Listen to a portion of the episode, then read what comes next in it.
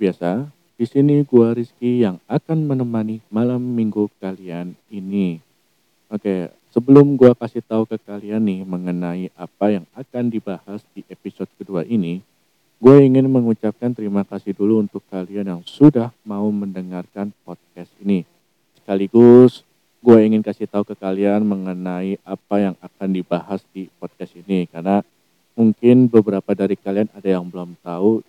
Jadi gue akan kasih tahu bahwa podcast ini akan membahas berbagai macam yang berhubungan dengan hal apa pun di setiap kehidupan seseorang, baik itu dari segi percintaan, pekerjaan, pertemanan, pendidikan, dan hal lainnya. Selain itu, di podcast semua tentang kita ini juga memberikan kesempatan untuk kalian yang ingin berbagi cerita atau sharing hal-hal apa pun mengenai kalian. Jadi kalian bisa follow IG gua di @rizky.rtwn. Lalu kalian DM cerita-ceritanya ke Instagram gua yang nantinya akan gue bacakan di setiap episode podcast gua ini. Siapa tahu nanti cerita dari kalian atau sharing-sharing kalian nantinya ada hal positif yang bisa kita dapatkan sebagai pelajaran untuk lebih baik ke depannya. Oke, lanjut untuk di episode kedua ini, gue akan membahas mengenai seberapa besar ya bahaya dari quarter life crisis ini. Mungkin beberapa dari kalian belum ada yang tahu apa sih itu quarter life crisis. Nah, di sini gue akan jelasin dan tadi gue sempat cari di Google, kalau menurut Google, quarter life crisis itu adalah merupakan periode saat seseorang berusia 18 sampai 30 tahun merasa tidak memiliki arah, khawatir, bingung, dan galau akan ketidakpastian kehidupannya di masa mendatang.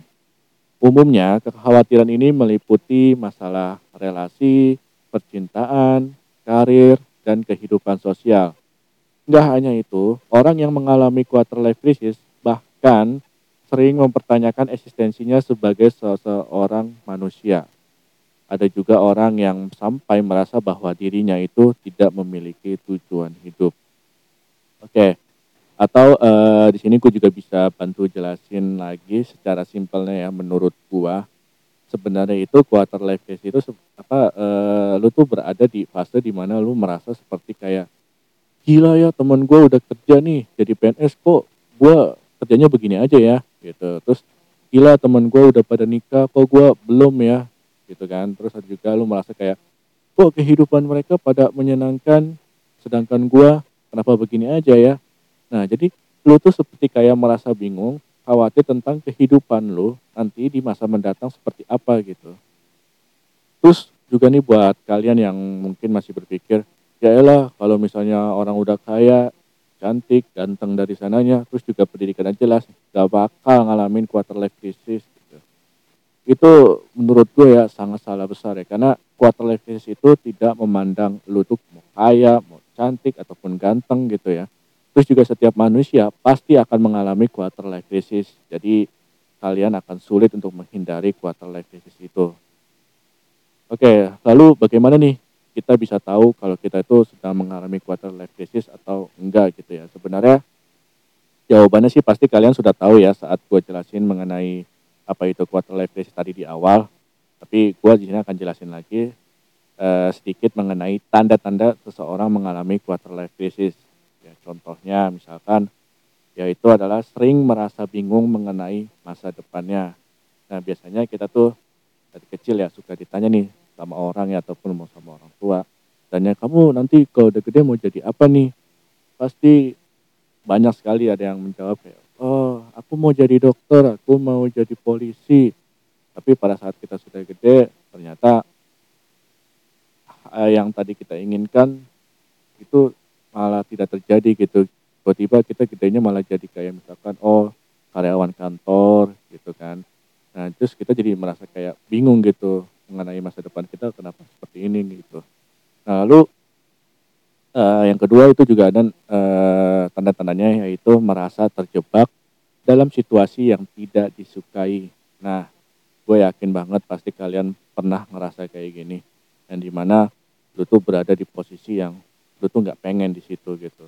contoh misalkan dalam pendidikan kayak lu tuh pengen gitu kan kuliah misalkan di jurusan teknik informatika tapi dari keluarga kita orang tua kita tuh memaksa lu tuh jangan apa e, di teknik informatika tapi lu kuliah bagian misalkan keuangan gitu kan dan lu kuliah tuh akhirnya di keuangan dan lu terjebak di situ yang di mana lu bener-bener nggak nggak bisa gitu dan nggak mau nggak suka dengan keuangan tersebut gitu kan nah lalu lu juga pasti pernah ngerasain sulit membuat keputusan ketika dihadapkan dengan beberapa pilihan.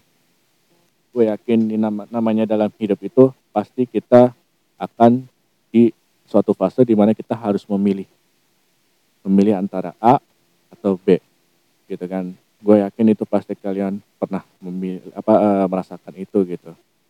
Dalam hal apa pun ya, misalkan dalam hal pendidikan, percintaan, ya dalam hal karir ya apa pun itu intinya pasti kalian pernah ngalamin hal tersebut nah lalu eh, tanda-tanda lainnya adalah kurang motivasi dalam menjalani aktivitas sehari-hari ya eh, terkadang kita dalam hidup itu sebenarnya perlu yang namanya motivasi gitu kan.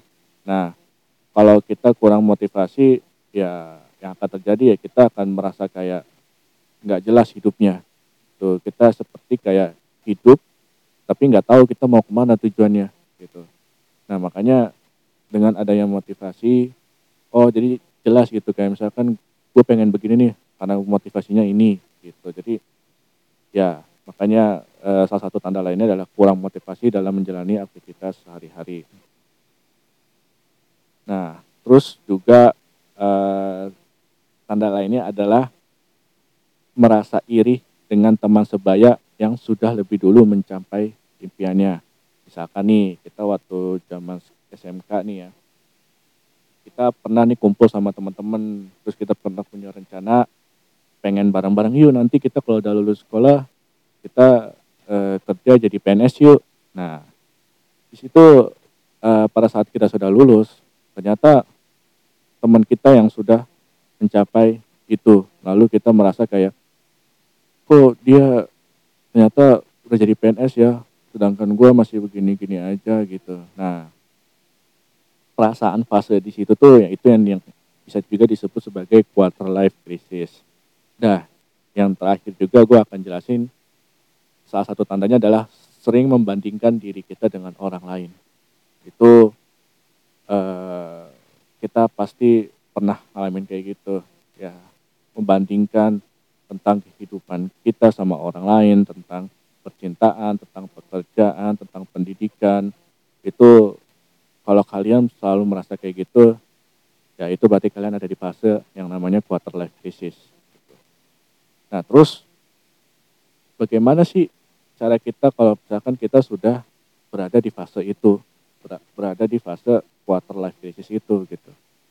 Sebenarnya banyak ya. Mungkin gue akan jelasin sedikit. Ya, salah satu contohnya adalah lu harus berhenti membandingkan diri lu dengan orang lain. Kenapa? Ya, karena kalau lu masih sering membandingkan diri lu dengan orang lain itu gak akan mungkin bisa selesai. Gak akan puas. Karena kehidupan diri sendiri dengan orang lain itu belum tentu bisa sama jadi ya lu nggak bisa membandingkan kapasitas diri lu tuh dengan orang lain gitu Nah, lalu yang kedua adalah ubah keraguan menjadi tindakan. Terkadang kita selalu kebanyakan pikir, mikir, mikir, mikir, tapi nggak ada tindakan yang dilakukan. Nah itu lu harus bisa ngerubah itu. Jadi lu harus bisa nggak hanya mikir doang, tapi lu langsung bergerak. Itu kayak misalkan nih, lu pengen punya usaha, misalkan usaha eh, bikin kafe gitu.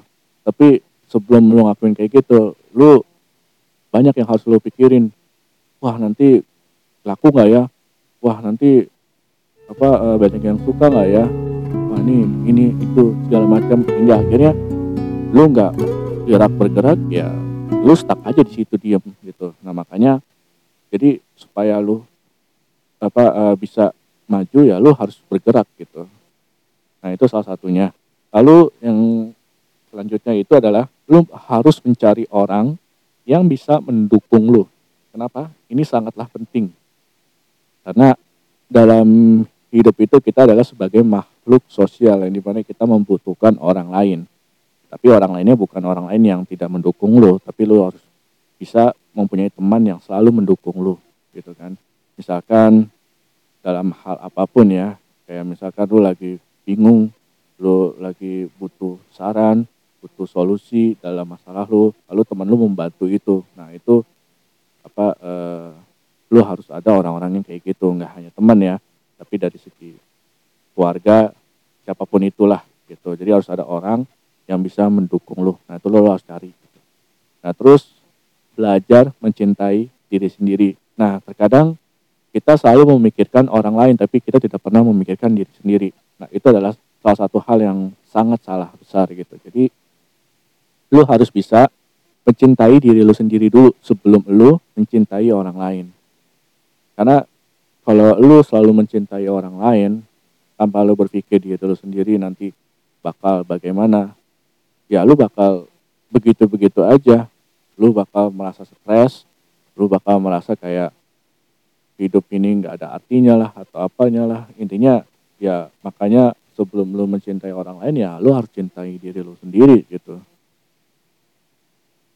Ya karena kita kita yang sudah bisa mencintai diri sendiri maka gue yakin lu pun juga bisa mencintai orang lain dengan baik gitu oke uh, jadi ya kurang lebih itu sih info apa uh, podcast kali ini yang menjelaskan mengenai quarter life crisis. Intinya adalah eh, buat kalian yang mungkin umurnya sekitar 18 sampai 30 tahun, kalian wajib tahu tentang quarter life crisis karena jangan sampai kalau kalian tidak tahu akhirnya kalian tiba-tiba masuk ke dalam fase itu terus kalian bingung harus bagaimana terus akhirnya kalian stres Nah, itu salah satu yang bisa menghancurkan hidup lo gitu. Ya, jadi kalian sebisa mungkin cari tahu mengenai quarter life crisis dan belajar jadi orang yang lebih baik. Oke, mungkin itu aja untuk episode kedua kali ini. Sampai ketemu di episode selanjutnya. Terima kasih. Sampai jumpa.